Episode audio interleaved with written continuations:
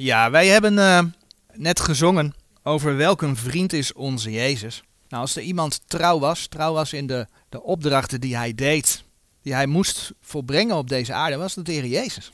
Hij is trouw. En hij is ook naar zijn kinderen toe, is hij trouw. Hij is ook trouw naar de mensen toe. Als de mensen hem aannemen, dan vergeeft hij de zonde, dan maakt hij ze schoon, dan worden die mensen wederom geboren. En dan zijn ze een kind van God. Jezus Christus is trouw. Nou, en die heren mogen wij navolgen. Van daaruit willen we vanmorgen stilstaan bij ware vriendschap. We hebben het eerste uur stilgestaan bij, uh, bij het thema wandelen door de geest. De Heere God die wil gemeenschap hebben met zijn kinderen, die wil een relatie met zijn kinderen hebben. En de vraag is daarbij, hoe zoeken wij hem? niet door op al het aardse gericht te zijn, maar door geestelijk eigenlijk continu met hem verbonden te zijn. Als je dat probeert te zoeken, te wandelen door de geest, dan zijn bijvoorbeeld bijbellezen, bidden, naar de samenkomst geen verplichtingen meer. Dan wil je dat graag. En als je zo in het leven op de Heer gericht bent, met Hem wandelt, dan gaat dat vrucht geven. Dat is waar we het eerste uur bij hebben stilgestaan. Iets wat daar hele grote invloed op kan hebben.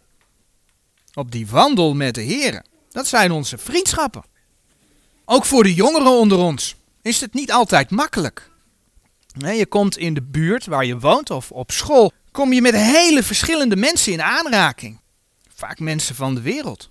En ja, laat me wel wezen, voor volwassenen is het eigenlijk helemaal niet anders. Hè? Ik bedoel, je komt op het werk, kom je ook met allerlei mensen in aanraking.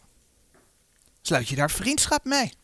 En ja, laten we wel zijn, het aantal bijbelgelovigen is natuurlijk ook niet zo heel groot in deze wereld.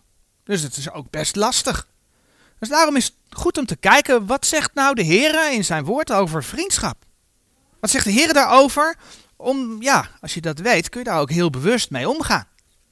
Nou, allereerst zien we dat vriendschap voor de Heer heel belangrijk is. In uh, Johannes 15 geeft de Heer Jezus zijn gebod om elkaar lief te hebben.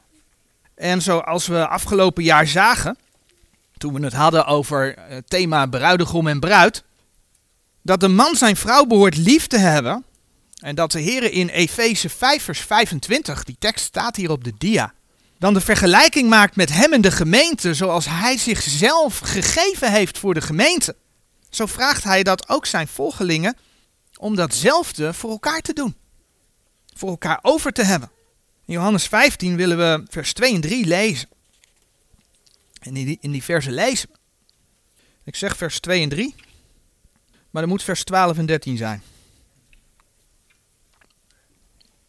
Dit is mijn gebod, dat gij elkander lief hebt, gelijkerwijs ik u lief gehad heb. Niemand heeft meerder liefde dan deze, dat iemand zijn leven zet voor zijn vrienden. Vers 3 nog een keer. Niemand heeft meerder liefde dan deze, dat iemand zijn leven zet voor zijn vrienden. Daar komen die vrienden om de hoek kijken. Johannes. Johannes die sluit zijn derde brief, dus niet het Johannes-evangelie, maar jo, uh, 3 Johannes. Sluit hij af met de volgende woorden. De tekst komt trouwens ook hier op de dia te staan. 3 Johannes, vers 15. Vrede zij u, de vrienden groeten u. Groet de vrienden met name. Als gelovigen onder elkaar mogen we dus ook vrienden zijn. We zijn geboren in de familie van de Heer. We zijn dus broeders en zusters. Maar zijn we ook vrienden van elkaar? Als we dan in Gods woord op zoek gaan, dan laat de Heer zien wat echte vrienden zijn. Maar, daar komt hij, ook waarschuwt hij. En we willen allereerst naar een voorbeeld kijken hoe een slechte vriendschap slecht kan aflopen. En dat voorbeeld vinden we in 2 Samuel 13. In dat hoofdstuk, 2 Samuel 13, daar lezen we dat Amnon, een zoon van koning David, verliefd werd op zijn zus Tamar. En hij werd zo verliefd op zijn zus dat hij er ziek van werd. Dat lees je in de eerste verse van 2 Samuel 13. En wat doet Amnon? Amnon heeft een hele goede vriend. En die gaat hij raadplegen. Kijk maar in vers 3. Daar lezen we: Doch Amnon had een vriend wiens naam was Jonadab, een zoon van Simea, Davids broeder. En Jonadab was een zeer wijs man. Nou, dat woordje wijs betekent in Gods woord meestal iets positiefs. Omdat het dan ook verwijst naar de wijsheid van de Heer Jezus bijvoorbeeld. Maar in dit geval is dat niet zo. Een enkele keer lees je in Gods woord, en dat vind je bijvoorbeeld in Spreuken, eh, Spreuken 3, vers 7 en Spreuken 26, vers 12, zijn twee voorbeelden ervan. Dat de Heer waarschuwt tegen mensen die wijs zijn in hun eigen ogen. Dat is een andere soort van wijsheid. En een mooie tekst die hierbij past, en die gaan we opzoeken, dat is 1 Korinthe 3, vers 18 tot en met 20. 1 Korinthe 3, vers 18 tot en met 20. En dan lezen we in die verse. Niemand bedriege zichzelf, zo iemand onder u dunkt dat hij wijs is in deze wereld, die worden dwaas, opdat hij wijs mogen worden. Dat geeft al aan dat er twee soorten wijsheid zijn. Want de wijsheid deze wereld is dwaasheid bij God. Want er is geschreven, hij vat de wijze in hun arglistigheid. En wederom, de Heere kent de overleggingen der wijzen dat zij ijdel zijn. Met andere woorden, deze Jonadab was eerder listig dan dat hij echt wijs was. In de King, King James Version 1611 staat ook het woordje subtil. Hij was listig. En dit verwijst natuurlijk naar Genesis 3 vers 1, waar de vijand van God, de duivel, ook listig genoemd wordt. En zien we hoe op deze manier de, de wereldse wijsheid, arglistigheid, listigheid, gelinkt wordt aan de God van deze wereld, aan de duivel, 2 Korinthe 4 vers 4, die listig is. Nou, dat dit voor Jonadab inderdaad zo was, dat blijkt wel uit het advies wat hij Amnon gaf. Want Jonadab, die zegt niet tegen Amnon als hij bij hem komt van, uh, ja maar wat je nu doet dat is verkeerd Amnon. De Heer wil niet dat je als broer je zus lief hebt. En uh, ja, je moet haar niet iets gaan aandoen. Dat zegt, Amnon, dat zegt uh, Jonadab niet. Hij zegt ook niet, als je, als je als je dat doet, dan zegt de Heer dat je vervloekt bent. Want dat stond gewoon in de wet. Deuteronomium 27, vers 22. De tekst verschijnt op de dia. De Heer is duidelijk. Nee, wat Amnon deed, is hij bedacht een, uh, Amnon, wat Jonadab deed, is hij bedacht een plan voor Amnon.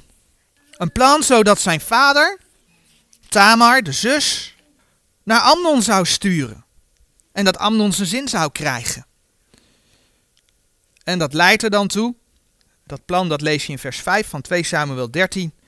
En het resultaat is dat, ja, dat Amnon zijn zus verkrachtte. En dat lees je in vers 14 van 2 Samuel 13. Ja, en zo gaat het dan in de wereld. Als je je zin hebt gekregen, dan ziet de wereld er opeens anders uit.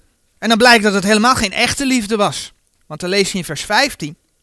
Daarna haatte haar Amnon met een zeer grote haat. Want de haat waarmede hij haar haatte was groter dan de liefde waarmede hij haar lief had. En Amnon zeide tot haar: Maak u op, ga weg. Maar dan komt het voor Amnon, die zich zo liet leiden door zijn vlees. En daardoor dus ook verkeerde raad vroeg aan een verkeerde raadgever. Was het verhaal nog niet afgelopen, want door zijn toedoen ging Absalom hem haten. En dan lees je dus uiteindelijk dat Absalom ervoor zorgde dat Amnon gedood wordt. In 2 Samuel 13, vers 28 en 29 2 Samuel 13, vers 28 en 29. Absalom nu gebood zijn jongens, zeggende: Let er nu op, als Amnons hart vrolijk is van de wijn, en ik tot uw lieden zal zeggen: Slaat Amnon, dan zult gij hem doden. Vrees niet, is het niet omdat ik het u geboden heb? Zijt sterk en wees dapper. En Absaloms jongens deden aan Amnon gelijk als Absalom geboden had. Toen stonden alle zonen des konings op en reden iegelijk op zijn meldier en vloden. Ze vluchten. Amnon stierf een vroege dood. En dat is een illustratie uit de schrift bij een vers waar we het onlangs nog over gehad hebben. Romeinen 8, vers 13. De tekst verschijnt hier op de dia. Want indien gij naar het vlees leeft, zo zult gij sterven. Maar indien gij door de geest de werkingen des lichaams doodt, zo zult gij leven. Dat is daar een illustratie van, dat eerste stuk. Maar indien gij naar het vlees leeft, zo zult gij sterven. Dus we hebben een voorbeeld gezien hoe de schrift laat zien hoe slechte vrienden slechte raad, slechte wijsheid kunnen geven. Waardoor je dingen gaat doen die de Heere gruwelijk vindt. Nou, onder de wet golden er hele duidelijke regels voor situaties dat mensen anderen bijvoorbeeld naar andere goden toeleiden. Oftewel, als mensen mensen bij de Heere wegtrokken.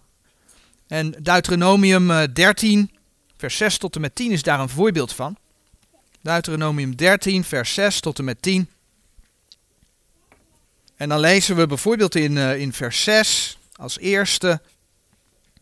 Wanneer uw broeder, de zoon uw moeder, of uw zoon of uw dochter, of de vrouw van uw schoot of uw vriend, die als uw ziel is, hè, dus hier wordt ook over de vriend gesproken, u zal aanporren in het heimelijk zeggende, laat ons gaan en dienen andere goden die gij niet gekend hebt, gij nog uw vaderen. Als dat gebeurde, dat dan diegene, hè, dus ook een vriend, dat die gestenigd moest worden. Kijk maar in vers 9 en 10 van Deuteronomium 13. Onder de wet stond daar de doodstraf op. Ondanks dat dit onder de wet gegeven is en de inzettingen van de wet niet voor vandaag de dag zijn. Laat dat duidelijk zijn. Laten ze wel zien hoe de Heer er naar kijkt dat mensen zijn kinderen bij hem weghalen. Dat maakt het duidelijk. En net zoals de Israëlieten zou je vandaag de dag niet moeten instemmen met of moeten luisteren naar iemand die je bij de Heer wegleidt. Dus als je een beslissing neemt die tegen het verlangen van iemand anders ingaat. Wij mensen hebben dan de neiging, de een meer als de ander, maar ons dan een beetje schuldig te voelen.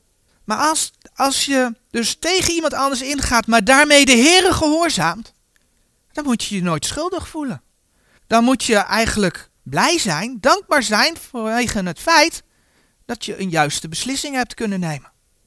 Een voorbeeld. En misschien een heel eenvoudig voorbeeld, want er zijn veel lastigere situaties te bedenken.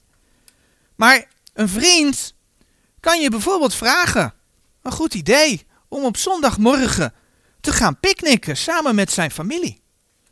Ja, maar de Heere die zegt bijvoorbeeld in Hebreeën 10 vers 25 dat je de onderlinge bijeenkomst niet moet nalaten, zodat je hem kunt eren en van hem kunt leren.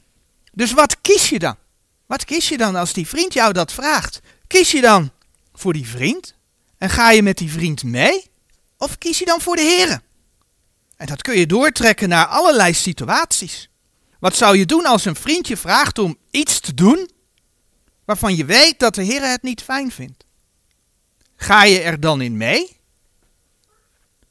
Of doe je er niet aan mee? Maak je de juiste keuze? En als zich dat herhaalt, als zo iemand dat blijft doen, continu probeert om jou bij de Heer weg te halen, of bij de samenkomst, of van je gebed of Bijbel lezen. Noem maar wat. Bedenk maar andere dingen. Iets te doen wat de Heer niet wil. Als ze dat continu blijven doen, ga je dan nog steeds tijd spenderen om met die persoon om te gaan? Je kunt je voorstellen dat het antwoord heel duidelijk van invloed is op je wandel door de geest. Maar wat laat de Bijbel over echte vrienden zien? We leven in een stukje van de wereld en ik denk dat ik dat ook in deze tijd nog steeds kan zeggen, dat er relatief gezien nog steeds rijk is. Ze zijn die rijkdom natuurlijk vreselijk aan het uh, afpakken. Maar ik denk als je vergelijkt met andere plaatsen in de wereld, dat we nog steeds kunnen zeggen dat we het hier niet slecht hebben. Het feit dat het hier zo rijk is, betekent ook voor velen dat je eigenlijk maar weinig echte vrienden hebt. De Bijbel zegt namelijk dat rijkdom veel vrienden geeft. Maar dat zijn dan ook vaak vrienden die het niet zozeer om jou gaat. Die niet zozeer met jou bevriend zijn, maar meer met, met jouw rijkdom. En dus ook gauw afhaken als het minder gaat. Laten we spreuken opzoeken. Spreuken 19, vers 4. Spreuken is een geweldig mooi boek. Met geweldig veel levenswijsheden. We zullen vanmorgen ook een aantal teksten uit spreuken gaan zien. En de eerste is dus Spreuken 19, vers 4.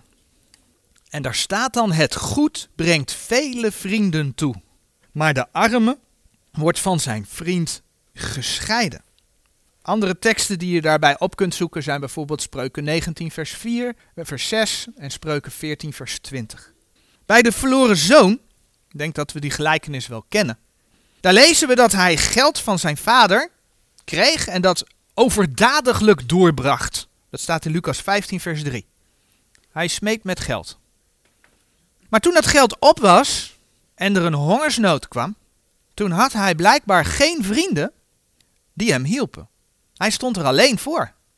En hij werd zwijnenhoeder. Dat lees je in Lucas 15, vers 16. Zo gaat dat in de wereld. Men kijkt ernaar hoe je eruit ziet. Men kijkt naar je rijkdom. Men kijkt naar je charisma. Men kijkt naar hoe belangrijk je bent. Of dat je toevallig belangrijke vrienden hebt, hè, want dat kan natuurlijk ook helpen. Daar kijkt men naar. Maar echte vrienden ontstaan op een andere manier. En dan komen we bij die tekst in Spreuken 18, vers 24, die tekst die op de dia aangegeven staat bij vriendelijkheid. Spreuken 18, vers 24. Daar lezen we: Een man die vrienden heeft, heeft zich vriendelijk te houden. Want er is een liefhebber die meer aankleeft dan een broeder. Het gaat me even om het eerste deel van dat vers. Een man die vrienden heeft, heeft zich vriendelijk te houden. Echte vriendschap begint gewoon bij vriendelijkheid. Bij openstaan voor die ander en niet voor zijn of haar spullen. Of andere belangrijke vrienden of noem maar een reden op. Echte vrienden zijn ook trouw. Echte vrienden, en dan bladeren we naar Spreuken 27, laten je niet in de steek. In Spreuken 27, vers 10, daar lezen we bijvoorbeeld: Verlaat uw vriend, noch de vriend uws vaders, en gaat ten huize uws broeders niet op de dag van uw tegenspoed. Beter is een gebuur die nabij is, dan een broeder die verre is. Het eerste deel, verlaat uw vriend, noch de vriend uws vaders. De Heere vraagt dus om je vrienden niet in de steek te laten. De Heere vraagt trouw. Hij is trouw. Hij vraagt van ons trouw. En daarom lezen we in Spreuken 17, vers 17 het volgende. Een vriend heeft te allen tijden lief. En een broeder wordt in de benauwdheid geboren. Een vriend heeft te allen tijden lief.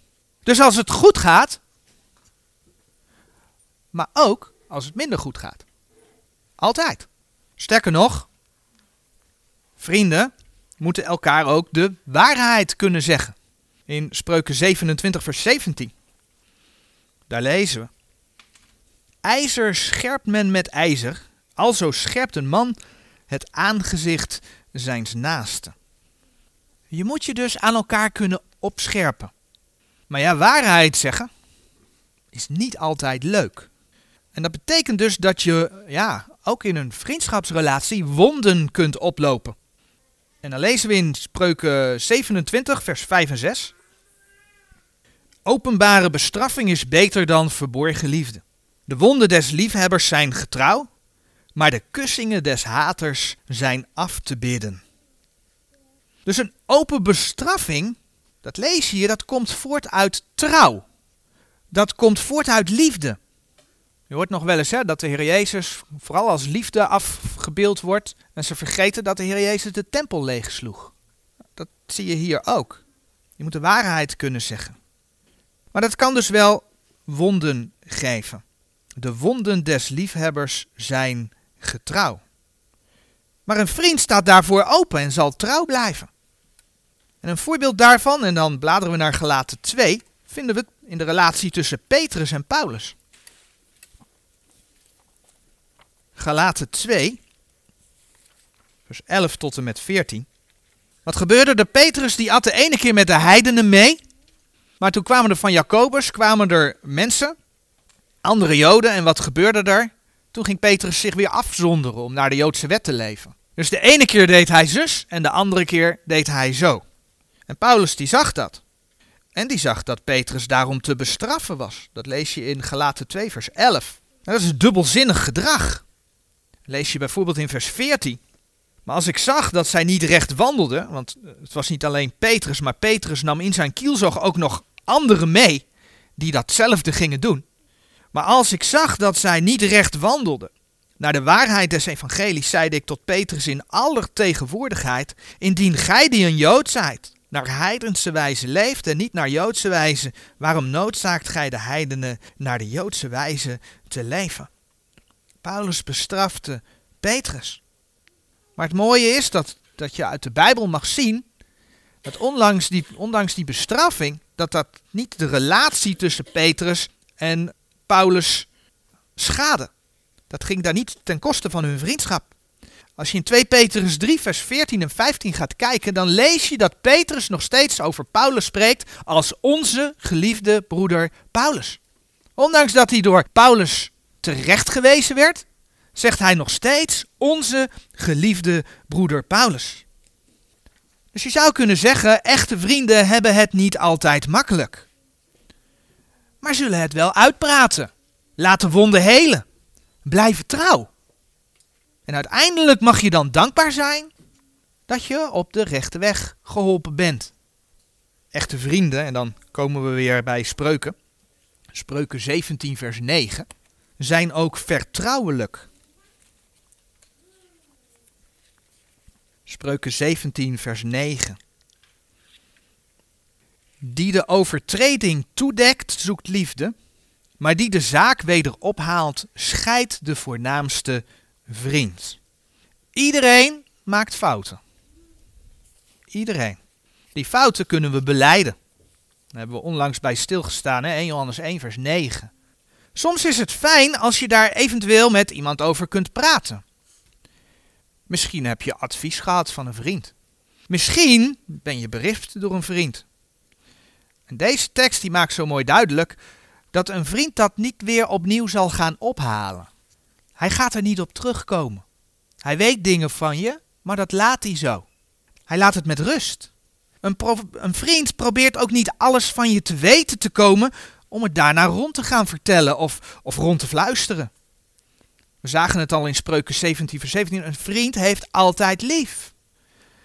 En dat lezen we dus in, in dit vers, Spreuken 17, vers, vers 9. Dekt de overtreding toe. Oftewel, een echte vriend gaat vertrouwelijk met je om. En als jij een echte vriend van iemand bent, dan ga je dus ook vertrouwelijk met die persoon om. Maar er is nog iets. Toen we bij het huwelijk stilstonden, zagen we dat de Heer vraagt om je niet te vermengen. Niet te vermengen met de wereld.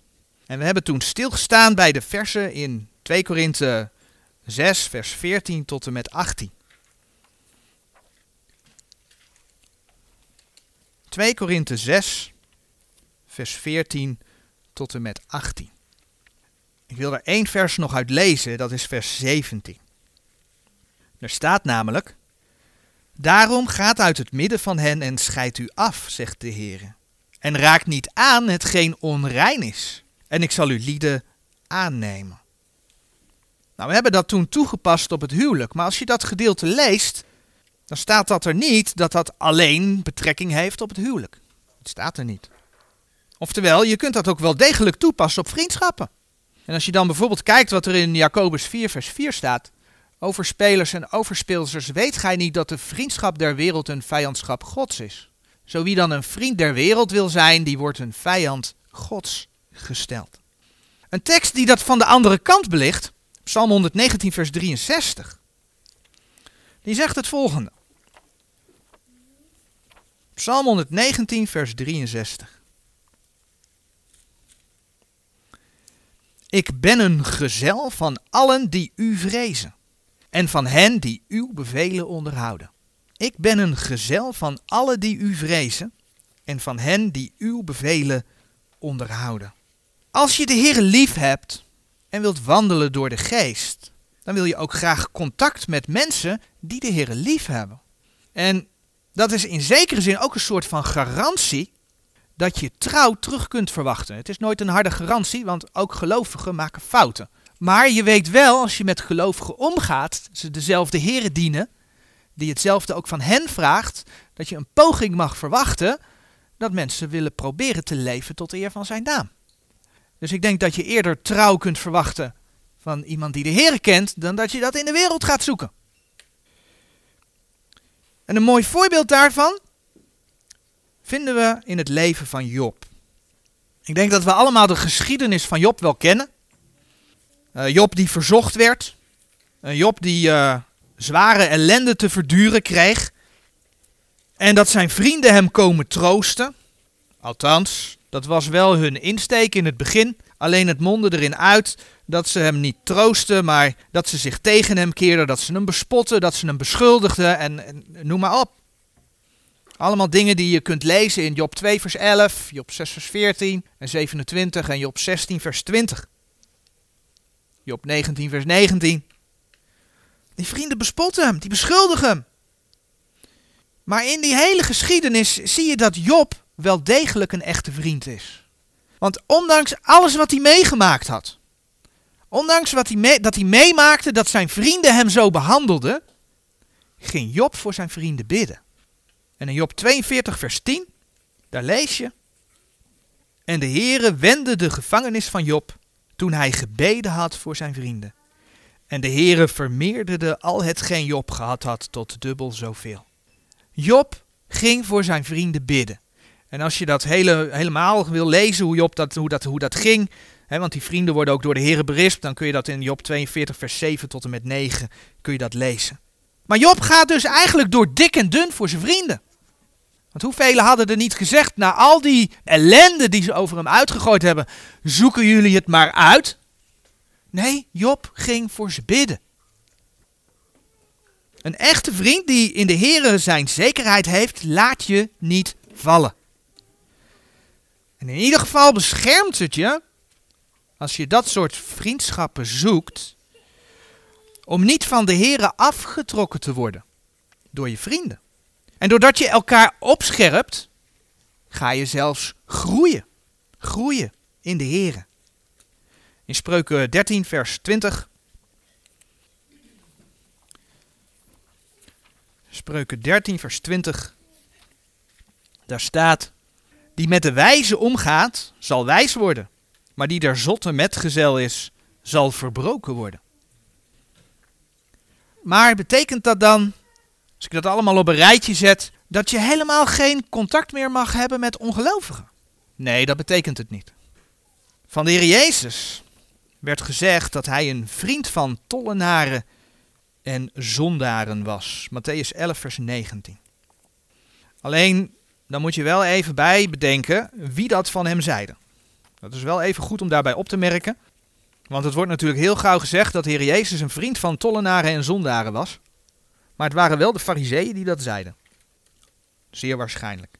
In Matthäus 11, vers 19, daar staat, zegt de Heer Jezus, als hij getuigenis van Johannes geeft, doet hij de volgende uitspraak. De zoon des mensen is gekomen etende en drinkende en zij zeggen, zie daar een mens die een vraat en wijnzuiper is, een vriend van tollenaren en zondaren. Doch de wijsheid is gerechtvaardigd geworden van haar kinderen. De Heer Jezus zegt dus, en zij zeggen. Waarschijnlijk waren dat de fariseeën, want die hadden er moeite mee dat ze de Heer Jezus bij de tollenaren en de zondaren zagen. Dat kun je bijvoorbeeld in Lucas 5, vers 29 en 30 lezen. Maar je ziet ook hoe ze hem verder ook noemen, naast een vriend van tollenaren en zondaren, een fraat en wijnzuiper. Nou, we weten in elk geval dat de Heer Jezus de tollenaars en de zondaren opzocht. Dat deed hij. Maar dat deed hij met een reden, met een doel. Dat deed hij zodat ze tot bekering konden komen. Kijk maar in, eh, ik noemde Lucas 5 al even. Kijk maar in Lucas 5, vers 32. Lucas 5, vers 32. Dat is bij de roeping van Levi. Een van de tollenaren. En dan zegt de Heer Jezus: Ik ben niet gekomen om te roepen rechtvaardigen, maar zondaren tot bekering. Lucas 5, vers 32. Dus dat was zijn doel. En zo weten we in, in dit gedeelte dat hij Levi, de tollenaar, geroepen heeft. Zo weten we dat hij de overste van de tollenaars, Zacchaeus, ook bezocht heeft. Hij heeft met hem gegeten en Zacchaeus is tot bekering gekomen. Dat lees je in Lucas 19, vers 1 tot en met 10. Met andere woorden, de Heer Jezus zocht de tollenaars en de zondaars op, niet om gezamenlijke interesses te delen, of om samen te feesten, samen wijn te drinken, waar hij van beschuldigd werd, een fraat- en wijnzuiper. Nee, dat deed hij niet. Hij zocht ze op om mensen te bereiken met zijn boodschap. En dat is natuurlijk een groot verschil. Dat kunnen wij ook doen. Dat kunnen wij ook doen. We kunnen naar zondaren omzien. En hen vertellen over het evangelie der genade gods. Ik bedoel, iemand uitnodigen om te eten, dat verontreinigt je niet. Zeker niet als je de kans aangrijpt om zo over de Heer Jezus te vertellen. En wat je niet moet gaan doen, is dan vervolgens samen naar hun favoriete tv-programma's gaan kijken. Of s'avonds zeggen, zullen we even naar de kroeg gaan? Want dan ga je dus zelf mee in de wereld. Je moet niet de wereldse eigenschappen gaan overnemen. Slechte vrienden trekken je van de Heren af. Sterker nog, slechte vrienden ruïneren je geloofsleven. En uiteindelijk dus jouzelf daarmee. Wat je nodig hebt zijn goede vrienden. en je wandel met de Heer. Zij zullen je daarin sterken, ze zullen je daarin vormen. Zoek die vrienden en wees er zuinig op. Een ware vriend wil dat je de Heere God eerst gehoorzaamt. Maar hoe kun je zo'n vriend vinden? Bid ervoor. Vraag de Heer om zijn leiding. Vraag de Heer ook om jouzelf te helpen om trouw te zijn. Want dat vraagt de Heer van een echte vriend. Dus het begint bij jezelf. Vraag de Heer of Hij je wil laten zien of jouw bestaande vriendschappen de zegen van de Heer kunnen dragen. Vraag de Heer om wijsheid en onderscheiding als je je vrienden kiest. Vraag de Heer of Hij je vrienden wil geven die Hem oprecht lief hebben. En ik denk zeker ook de jongeren onder ons, die ja, in het leven staan te midden van de wereld. Vraag de Heer om mensen op je pad te brengen die ook Hem lief hebben. En die Hem trouw zijn. Vraag de Heer om je de moed te geven om je vrienden over de Heer Jezus te vertellen. En ja, weet je, als je dan zoekt, waar kun je dan beter beginnen dan bijvoorbeeld hier? Onder broeders en zusters. Dat we niet alleen broeders en zusters van elkaar zijn, maar dat we ook vrienden van elkaar mogen zijn. Dat we ware vrienden mogen zijn. Omdat we van elkaar weten en dat we de Heere lief hebben. Amen.